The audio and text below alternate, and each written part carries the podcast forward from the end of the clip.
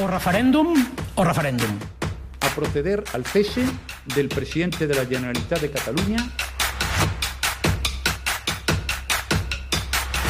Well, I have to say, you're not laughing now, are you? Catalunya, hem guanyat les eleccions! de fer un pas al costat, de no presentar-me com a candidat de Junts pel Sí a la reelecció.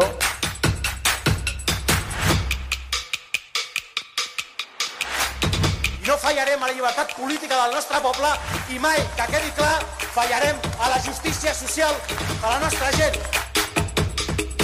I have a dream. One day, this nation will rise up. Yes, we did. Yes, we can. Together, we will make America great again. Huele a azufre todavía. 100 passes, el podcast d'anàlisi polític de Catarsi Magazine.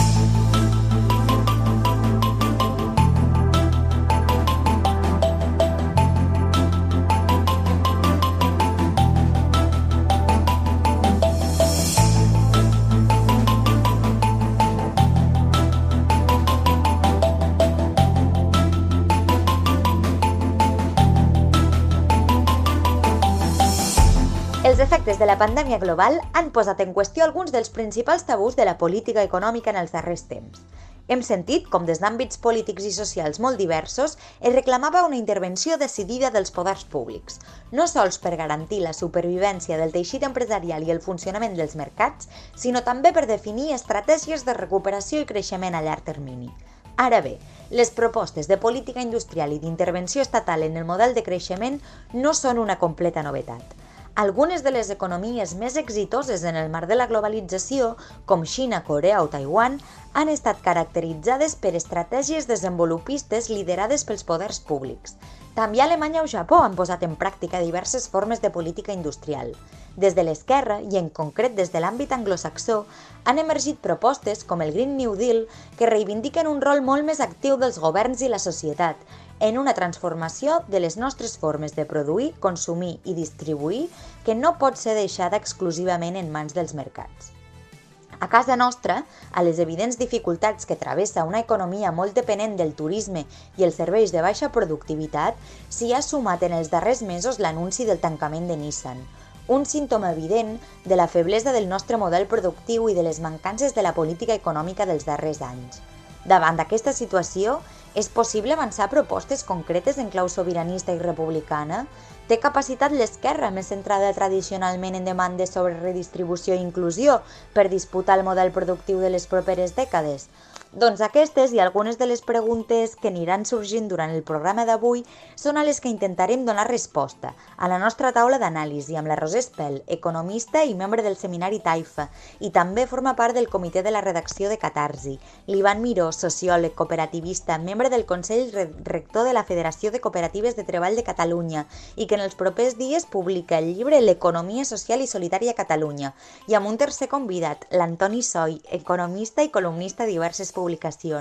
I amb tots ells, un dels nostres col·laboradors habituals, en Carles Badenes, doctor en Història Econòmica per la Universitat Autònoma de Barcelona. Això, avui, a 100 passes. Comencem!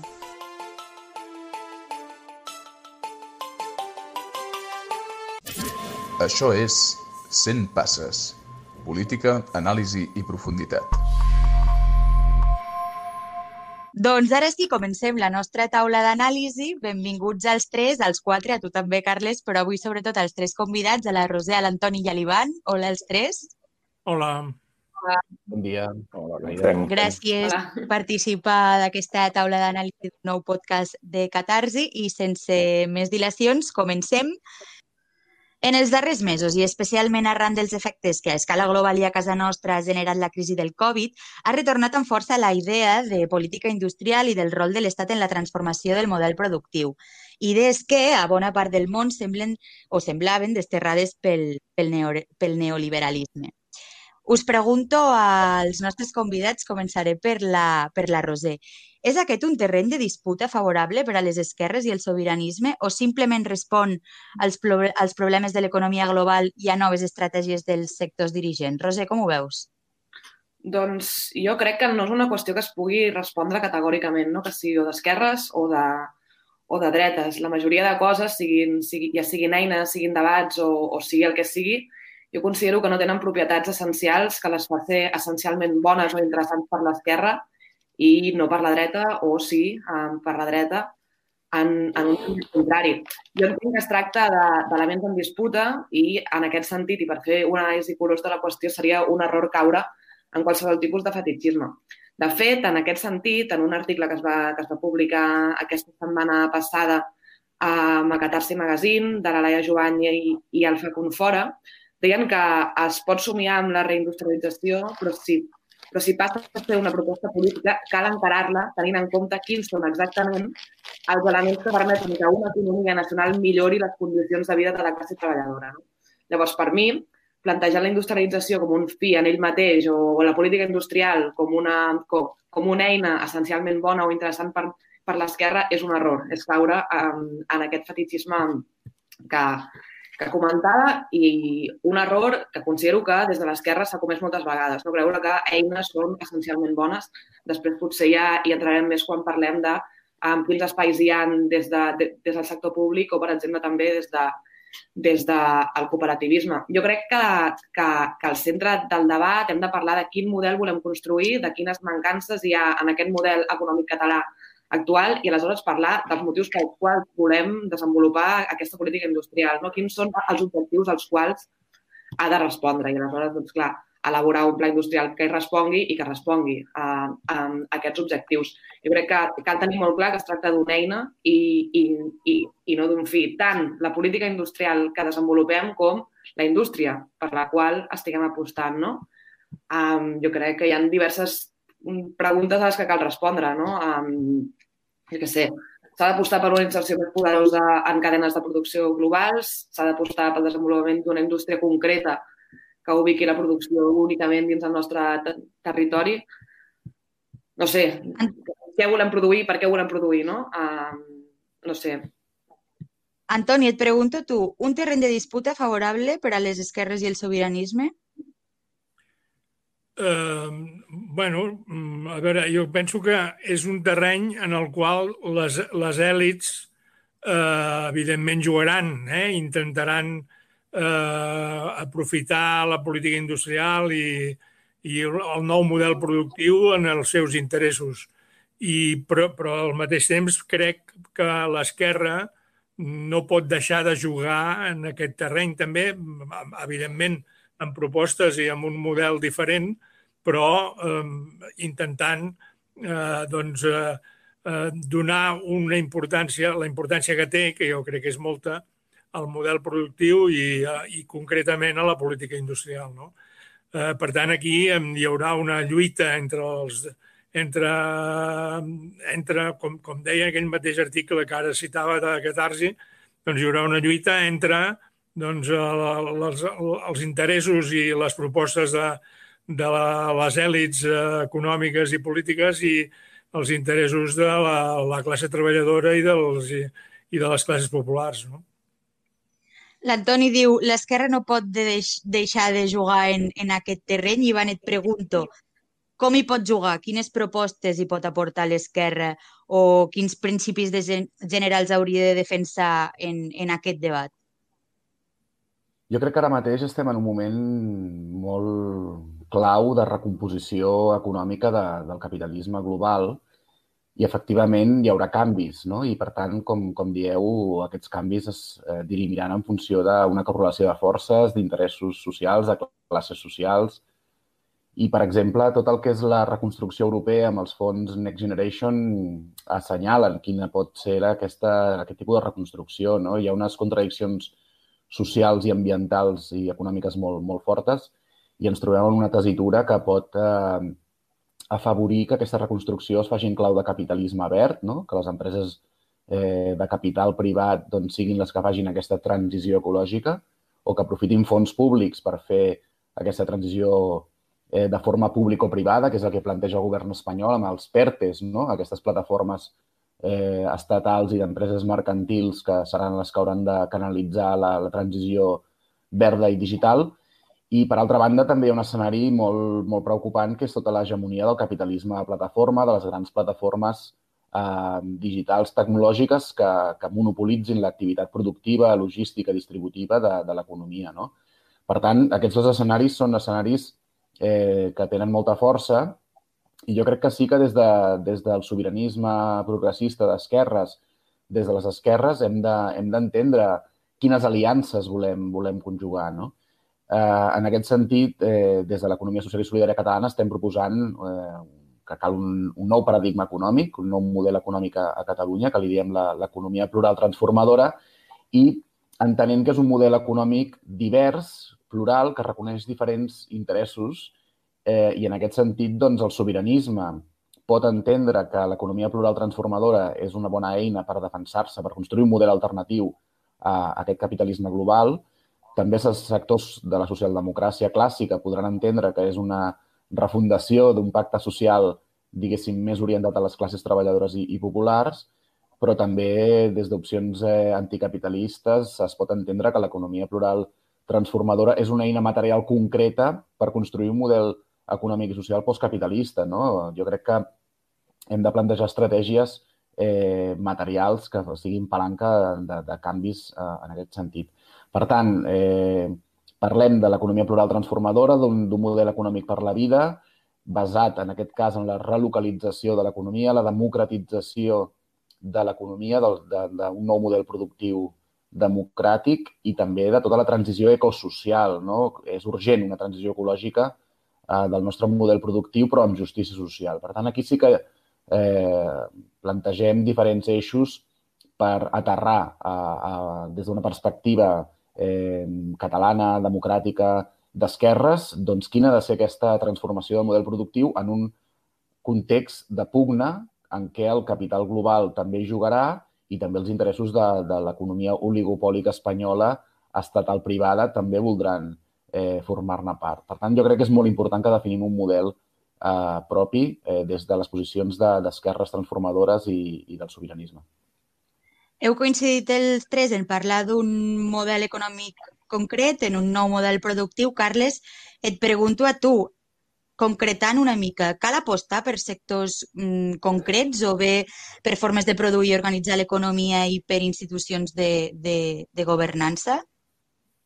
Jo crec que o sigui, és, és la gran pregunta per a, per a la qual l'esquerra moltes vegades no té, no té una resposta clara. No? O sigui, això requereix una planificació d'un esforç tant d'anàlisi com, de, com de debat públic, al meu entendre, que és evident que no, que no resoldrem així, no?, ara mateix. Però a mi sí que em sembla que més enllà dels mecanismes, diguem, de les institucions per a una transformació econòmica, dels mecanismes, diguem, de, de governança i de democratització econòmica als que feia eh, referència l'Ivan, eh, em sembla que, que sí que hi ha grans reptes que, que haurien d'estar ben presents eh, en, tota, en tota aposta de transformació del model productiu des de l'esquerra. Un d'ells, per exemple, és quan parlem de relocalització o de sobirania econòmica fins i tot i productiva, crec que tots tenim clar que això no pot voler dir autosuficiència, perquè simplement, a més, en un país tan petit no és una possibilitat, i molt menys a, a curt o mitjà termini. I, per tant, això també ens obliga a pensar en models d'inserció exitosos en el mercat global. Jo crec que hem de tindre en compte, en primer lloc, que no tots els sectors competeixen en el mercat global. Per tant, hi ha sectors que permeten que algunes de les exigències de la globalització no estiguen tan presents i això ens dona també eh, pistes i estratègies de, de per on, d'on hi ha certes possibilitats per avançar en algunes transformacions, per exemple, en clau de cooperativisme, i crec que, en tot cas, eh, aquells models que estan més connectats a una economia internacional, que sabem que és la que és, hem d'establir de, eh, quins paràmetres ens, permet, ens permeten parlar d'èxit. Un model que és capaç d'exportar molt o que és capaç de captar moltes divises, com seria el turisme, és un model exitós. Jo crec que l'esquerra ahir té, té, té moltíssim a dir. No? Jo crec que el que, el que s'ha d'exigir és que siguin capaços de generar, primer generar recursos eh, per al conjunt de l'economia, no? per a finançar eh, serveis i despesa pública, que siguin també eh, capaços de generar encadenaments en, en la resta de l'entramat productiu. I, a més, eh, crec que han d'estar connectades en visions de planificació en clau estratègica per afrontar reptes socials que tenim per davant, com són el canvi climàtic, com són l'envelliment de la població, com són els desequilibris territorials, perquè com deia la, la Roser, la política industrial o la transformació del model productiu no és un fin en si mateix, però és, però és un objectiu intermedi en la mesura que, que no es pot afrontar aquests reptes sense, sense transformar-les el que i com produir. Jo volia afegir que, que hosti, sembla o molts cops es critica eh, que quan es planteja aquesta necessitat de reindustrialitzar la, la nostra economia es fa des d'una òptica productivista no? i no de sobirania productiva. Però bé, jo molt d'acord amb el que comentava en Carles de que cal tenir en compte de que el fet és que si, si es vol intervenir l'economia a, a través d'una política industrial per tal de desenvolupar aquells sectors estratègics pel desenvolupament humà, o sigui, per posar realment la vida al centre, cal entendre que hi té un pes molt determinant aquella indústria que, com ha comentat en Carles, té més vincles amb altres processos, processos productius i que permet precisament un, des, un desenvolupament general i ampliat de les forces productives, no? El que vol dir viure tothom bé i cada vegada fer-ho millor. Antoni, et pregunto, en aquest nou model del que parlem, quin rol hi hauria de jugar el sector públic i el cooperativisme? I en concret, m'interessa que, que pugueu identificar quines són les, les seves limitacions i els seus riscos, perquè des de l'esquerra, doncs, diguéssim que les potencialitats eh, les, les sabem, però, però trobo que és interessant que, que puguem senyalar quins, quins, quines són les seves limitacions i els riscos en, en el rol del sector públic i, i del cooperativisme, Antoni.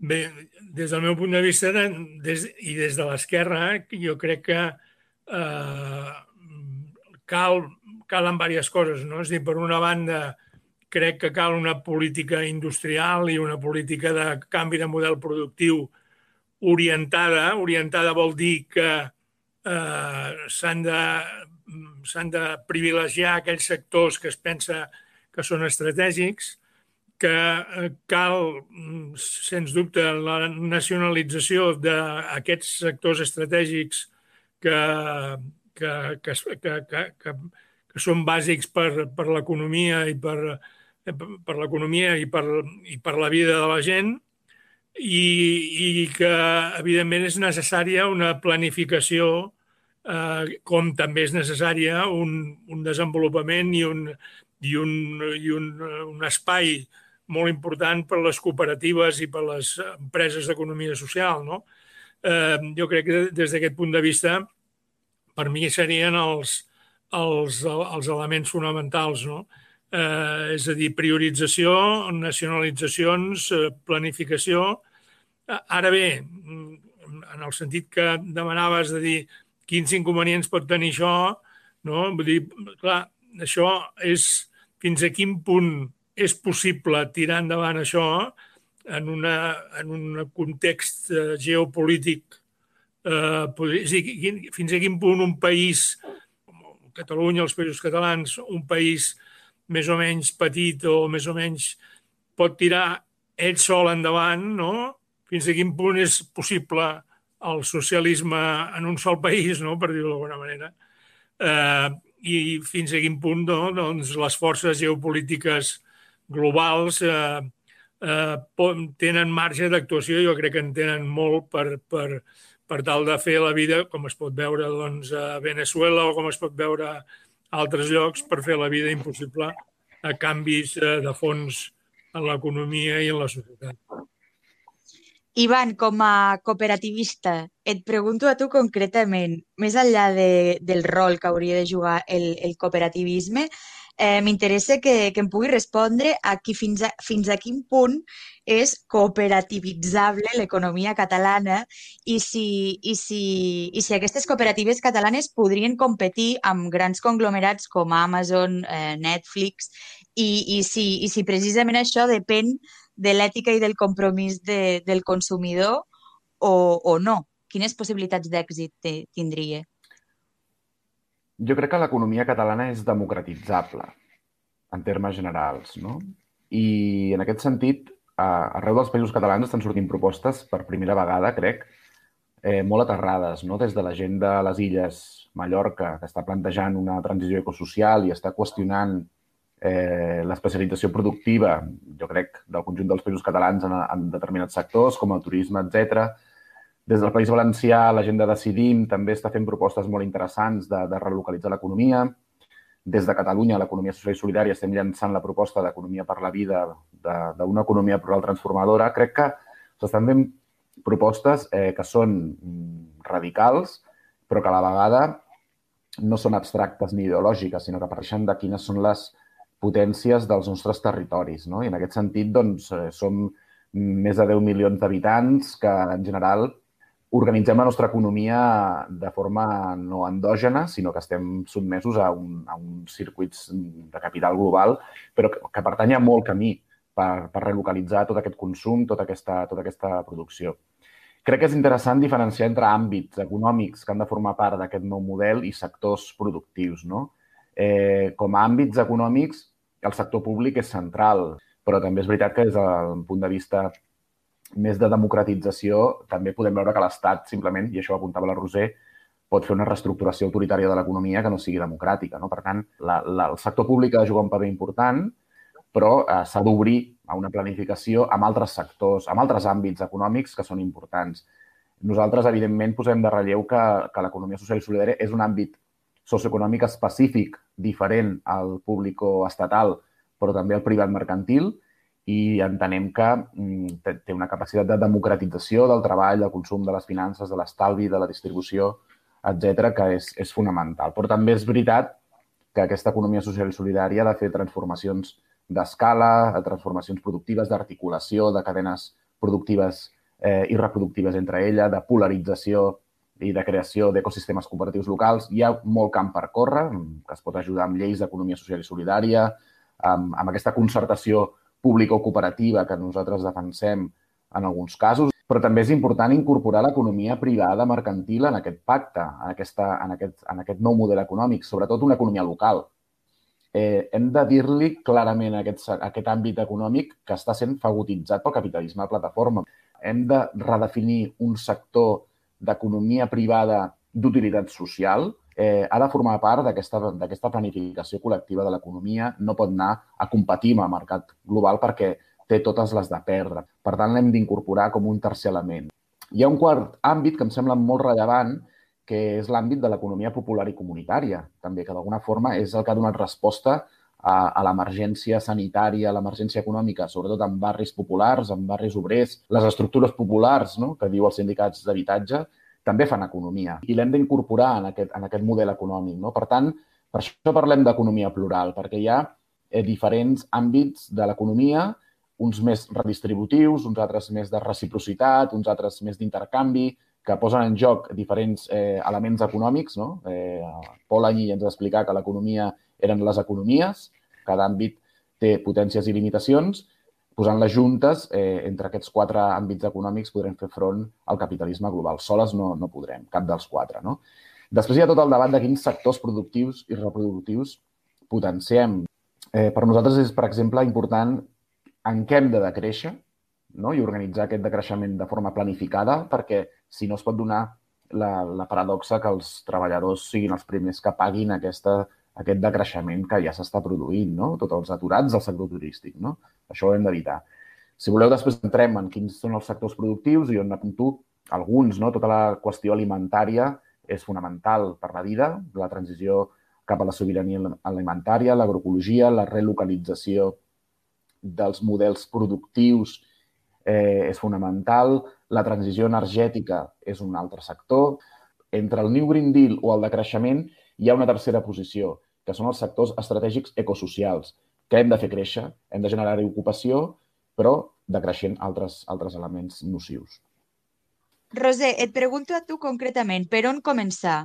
Eh, com, estem parlant d'aquesta construcció d'un nou model de desenvolupament eh, més just, sostenible, autocentrat, identifiquem els obstacles o, o si més no els principals obstacles que, que ens podem trobar, però a mi m'interessa parlant de l'aquí i l'ara, eh, quins instruments caldria construir a curt termini per poder començar a ficar les primeres passes i també eh, lligar-ho i vincular-ho a, a casa nostra. El moviment republicà i sobiranista pot ser un actiu en aquest sentit? És a dir, m'interessa sobretot aquestes dues qüestions. Quin és el paper de l'esquerra i del sobiranisme a, a casa nostra i els passos concrets. D'acord, doncs jo crec que no, que no donaré una, un, una resposta gaire novedosa, crec que, crec que és una que, que tots podem, podem ser-ne molt conscients, però bueno, jo crec que sí que té, que té si bones notícies, o sigui que hi ha, o, o hi ha una part que podríem entendre com una bona notícia, que és que jo, que jo sí que considero que el moviment sobiranista o republicà hi, té, hi juga un paper fonamental um, pel que ara explicaré, no? Vull dir, per més que estiguem plantejant que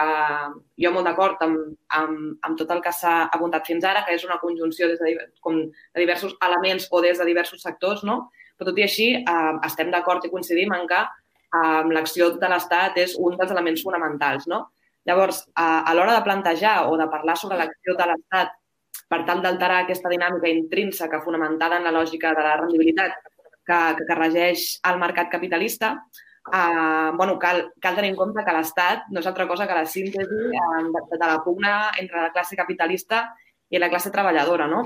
Cal tenir en compte també de quin estat estem parlant, quina és la inserció um, d'aquest estat um, en el mercat capitalista internacional i sobretot i fonamentalment, ja ho he dit al principi, uh, entendre també o saber llegir uh, o tenir molt en compte que al final uh, tot passa per la correlació de forces que es doni entre el capital i el treball en la pugna per l'apropiació del producte d'aquesta producció que ara estem debatent com organitzar. No? Jo crec que això és, en última instància, el que defineix l'èxit de la nostra política industrial, no? que, que respongui realment uh, al nostre model. I això, no és, com he dit al principi també, no és un mecanisme o un altre, no és només un sector o un altre. No? O sigui, al, al final, si aquest model respon als nostres in interessos d'aquest model social que estem plantejant, no? um, dependrà de quina és aquesta correlació de forces.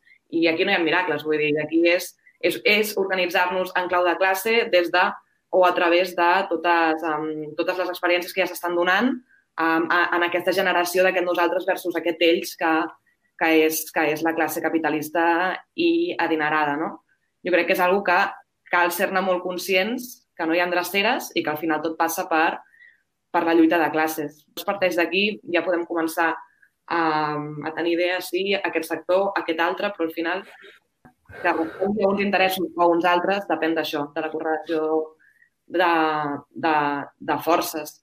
Òbviament cal tenir clar quin projecte tenim com a esquerra, cal que tinguem un projecte que explicar eh, en aquest sentit, a nivell de, de model productiu que respongui a aquest model social, però, bueno, però també cal que tinguem força per intentar implementar-lo, no? per prendre el poder realment. La Roser parla de correlació de forces i Antoni et pregunto quina estratègia hauria de, de dur a terme el moviment republicà i sobiranista per fer favorable aquesta correlació de, de forces i, per tant, ser, ser un actiu en, en aquest sentit. És una pregunta fàcil. Uh, a, mi, a veure, jo particularment crec que estic totalment d'acord amb que, evidentment, uh, la possibilitat d'avançar per part del, del moviment republicà i independentista en aquest sentit és, eh, depèn de la correlació de forces. Eh, malauradament, jo crec que aquesta correlació de forces en aquest moment no, no és massa favorable a les esquerres des de ja fa temps, perquè bé, doncs, eh, el comunisme doncs, eh, va entrar en, en una certa crisi, eh, la socialdemocràcia va entrar en una crisi molt profunda i, i en aquests moments està fent polítiques que no són social, ni, ni tan sols socialdemòcrates, sinó que són socialliberals com, com, com a molt. Eh, els sindicats eh, en el nostre país tampoc juguen un paper doncs, eh, molt... No, no tot, els sindicats majoritaris especialment, eh? Vull dir, una altra cosa són els sindicats minoritaris, no juguen un paper molt actiu en plantejar propostes realment i en lluitar per aquestes propostes es puguin dur, dur a terme. Eh, tenim aquí, evidentment, l'Ivan Miró i, i sí que hi ha per part del moviment cooperativista de, les, de la de l'economia social doncs un, un moviment que, que va creixent i, i potent que, que cal tenir molt en compte, però jo, sincerament, crec, soc, soc relativament pessimista. No? És dir, per exemple, amb el Next Generation, no? amb el, de, de la Unió Europea, no? eh, es parla de que es prioritzaran els projectes de digitalització i economia verda. Vull dir, a mi em sembla molt bé, eh? no, tinc, no tinc res en contra de, de, que, de que aquests projectes són importants, però la pregunta és, eh, aquests projectes evidentment són importants, són molt importants a Alemanya o a Holanda o als països nòrdics perquè ja tenen molts altres problemes solucionats. Ara, en els països del sud, eh, és a dir, Espanya, Grècia, Itàlia, mm, no serien també molt importants altres projectes a part d'aquests, eh, com per exemple doncs, millorar la sanitat, millorar l'educació, millorar, eh, vull dir, em refereixo a, a hospitals, a CAPs, a, a instituts, és a dir, millorar altres mm, coses doncs, més, més directament relacionades amb la vida, jo particularment crec que sí, no? I crec, el qual no vol dir que no s'hagin de fer eh, projectes verds o projectes de, de digitalització. Però mm, jo crec que i, i llavors aquí tenim el, el problema de que, de que bueno, jo crec que això interessa sobretot als països Alemanya i als països del nord i, eh, i, i per tant els altres eh, ens faran passar per, per, per l'adreçador on els països del sud, del sud ens faran, ens faran passar per l'adreçador. Veurem finalment quins projectes eh, doncs, tiren endavant, però eh, jo crec que la correlació de forces que evidentment, com deia abans, la Roser és, és, és, és, és importantíssima, és el més important, correlació de forces entre moviments socials, moviments dels treballadors, eh, partits polítics d'esquerra, realment d'esquerres i, i les èlits econòmiques i polítiques, eh, doncs en aquest moment, mm, des del meu punt de vista, jo no sóc massa optimista perquè no em sembla que siguin massa favorables.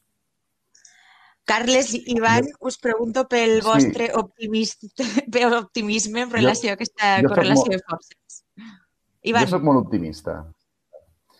Soc molt optimista bueno, sempre bé, quan fem bé. una crítica a, a, perquè crec que l'independentisme en general mm, no ha sigut eh, capaç de fer una proposta de sobirania econòmica, d'acord? Per què? Perquè la vessant, diguéssim, liberal de l'independentisme ha fixat eh, els seus objectius en uns criteris de, formals, no? de, de la llei a la llei, i han, han sigut neoliberals i el Canadell encara està defensant doncs, el mercat global, que evidentment doncs, és el menys sobiranista per Catalunya, per tant la dreta independentista doncs, no, no garanteix mecanismes de sobirania econòmica per les classes populars catalanes i l'esquerra independentista Tampoc perquè ha fixat totes les seves expectatives en unes polítiques públiques estatals d'un estat que no controla. Per tant, eh, no ha desenvolupat un, un poder material econòmic. No? Nosaltres, mm, modestament, perquè la força del cooperativisme i l'economia social i solidària doncs és petita, però sí que entenem que sense un poder econòmic no hi ha sobirania econòmica. Eh, però hem de fer una proposta estratègica política. En aquest cas, fem un, el, el Pacte Nacional per l'Economia per la Vida el que vol és eh, conjurar tots aquests sectors mm, de l'economia local, de l'economia pública, del municipalisme, del sindicalisme, dels sindicalismes. Estem fent una proposta que ja ha recollit 600 signatures eh, amb actors tan diferents com ajuntaments de, de Vic, eh, Terrassa, altres ajuntaments, eh, amb sindicats de, de llogateres, amb d'ecologistes en acció, de moviments pel decreixement turístic, per eh, centenars d'empreses eh, democràtiques, cooperatives, associatives, i forçar aquesta, uh, aquesta, aquest canvi de correlació de forces a partir d'una proposta política i de tenir nosaltres la iniciativa de generar un nou marc de, de concertació social, en aquest cas eh, democratitzador, relocalitzador i que aposti per la transició ecosocial i generar un pacte nacional per a una economia per la vida per poder mm, decidir quines polítiques econòmiques necessita el nostre país eh, per millorar les condicions de vida de, de la població en un sentit democràtic i per un nou model productiu.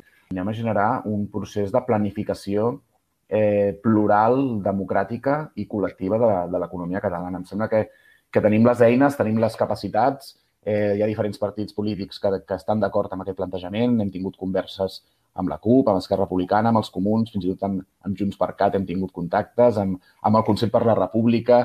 Eh, aquí jo crec que el sindicalisme ha de jugar un paper eh, que no només sigui de demandes de millores laborals a l'empresariat, penso que aquest model del sindicalisme laboral ara mateix ha de canviar, el sindicalisme ha de tenir la valentia per participar de, de la democratització de les empreses, de la cogestió, de la, de la col·lectivització dels mitjans de producció, que és la seva funció històrica, i que han de ser valents i animem a la CGT, a la Intersindical, a tots els sindicats d'esquerres, de, a sectors crítics de comissions, de, de, d'on sigui, a que facin aquest pas de, de voler fer polítiques econòmiques eh, democratitzadores. Estem en un moment molt complicat, ve una crisi econòmica molt, molt forta que és estructural i no, no, no val a, a menys tenir cap agent de la nostra societat en aquesta reconstrucció social, eh, ecològica i democràtica de l'economia. Si no ho fem així, eh, l'austeritat en els propers anys serà molt, molt complicada,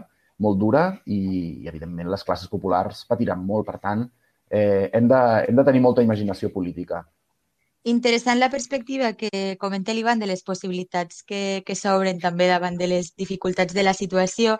Segurament l'independentisme avançaria prou si situés aquests debats eh, a l'agenda eh, política, perquè sovint l'independentisme parla sobre moltes coses i no sobre qüestions sobre com eh, recuperar eh, sobirania i vincular precisament tota la qüestió per la, per la independència. Aquestes qüestions, perquè avançaríem no només eh, en termes de, de maduresa política com a societat, d'entendre què significa eh, l'any 2020 lluitar per la, per la independència. Arribem al, una mica al final de la tertúlia, però abans, Roser i Carles, us volia donar la paraula abans d'acabar aquest bloc.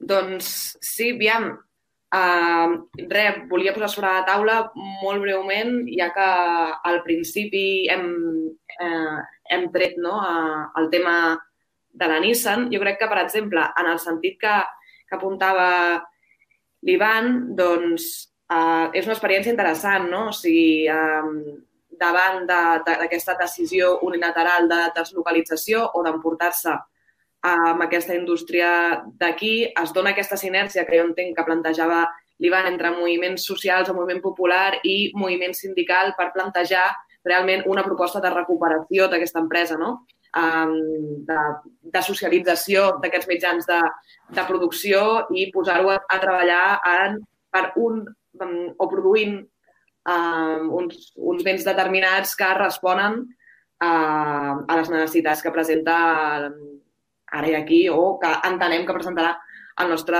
el nostre model social. Jo crec que ja s'estan donant experiències en aquest sentit i jo crec que el camí aniria per aquí, sense entrar concretament a discutir el contingut concret de la proposta um, que, es va, que es va presentar, crec, corregiu-me si m'equivoco, crec que era la CUP, anticapitalistes i, i CGT, crec. Jo crec que, però bueno, són aquest tipus de sinergies que jo crec que sí que, que, sí que, que sí que han d'anar per aquí, jo crec. Carles, l'última intervenció de la tertúlia d'avui, de la taula d'anàlisi, per tu, et pregunto en concret, l'independentisme i l'esquerra sabrà aprofitar aquestes oportunitats? No sé si sabrà o no. Jo, o sigui, coincidís que n'hi ha avantatges i oportunitats importants, també crec que s'han de remarcar les enormes dificultats, no? O sigui, n'hi ha una que hem comentat poc, però és la mateixa inserció en la Unió Europea i el bloqueig a qualsevol política industrial orientada que de moment pareix que se, que se manté, però jo sí que repren un poc algunes de les tasques que, o sigui, de les tasques immediates que plantejaves abans i connectant el que me de, amb el que deies ara, eh, jo crec que hi ha, hi ha instruments que haurien d'estar al centre de tot programa independentista. O sigui, s'ha parlat durant molts anys a país d'estructures d'estat, segurament caldria parlar també d'estructures de país i entenc que l'economia social i solidària és, sens dubte, una d'elles, no? que s'han d'entendre com a institucions d'un moviment popular, no com a cooperatives aïllades que tenen una forma cooperativa d'organitzar-se, sinó com a institucions eh, col·lectives. No? Eh, però, eh, reprenent això, crec que una, de les, un, una reivindicació que hauria de ser central per al moviment independentista com a estructura d'estat és la banca pública i una, i una reforma en profunditat de les finances. Ten, tenim un Institut Català de Finances que és cert que té moltes limitacions per accedir a, a, la, a una carta bancària, però que podria estar finançant-se ara en molt bones condicions i, i assumint funcions d'una verdadera banca pública de desenvolupament. I una reforma en profunditat de les finances segurament és molt més, és molt més difícil, però hem de pensar també les, les, el conflicte polític que se pot obrir eh, després d'esta crisi, que en gran part s'ha resolt en endeutament. i que afectarà moltíssimes petites i mitjanes empreses i crec que l'esquerra ha d'estar atenta als conflictes, al conflicte que jo crec que és inevitable, que, que sorgirà de, de la resolució d'una crisi que, que ja impacta sobre un model de creixement que en gran part estava basat en, en, en el crèdit i en l'endeutament. Per tant, jo diria tasques importants enfortir l'economia social i solidària i posar-la al centre d'una nova estratègia republicana en un moment en què sembla que la confrontació directa amb l'Estat eh, no pareix que, que estigui en primera plana, podem confrontar amb l'IBEX, banca pública com un instrument bàsic de sobirania econòmica i bàsic per a, com a estructura d'un estat futurible, eh, reforma en profunditat de les finances i jo també diria algun tipus d'agència o de xarxa d'institucions de desenvolupament que permeten modificar l'orientació de la política, si no li volen dir industrial per no fer culte al sector secundari, eh, la política de promoció econòmica que tal com s'ha fet fins ara, no? que és anar donant subvencions sense condicionament, subvencions a fons, per, fons perdut, facilitats fiscals, fiscals i de tot tipus a, a grans empreses. Jo crec que el, el sector públic pot, pot oferir un lideratge molt més estratègic i, a més, ho pot fer de manera molt més democràtica. Doncs ara sí, ho deixem aquí per avui, però abans, com sempre, us demano una conclusió per acabar amb la tertúlia, amb la taula d'anàlisi d'avui. Antoni, la teva conclusió d'avui.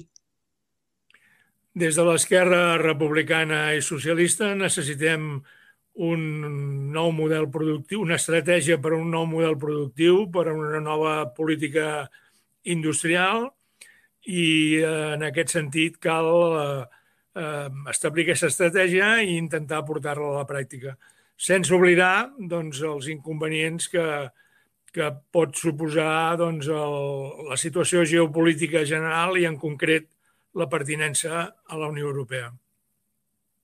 Roser, la teva.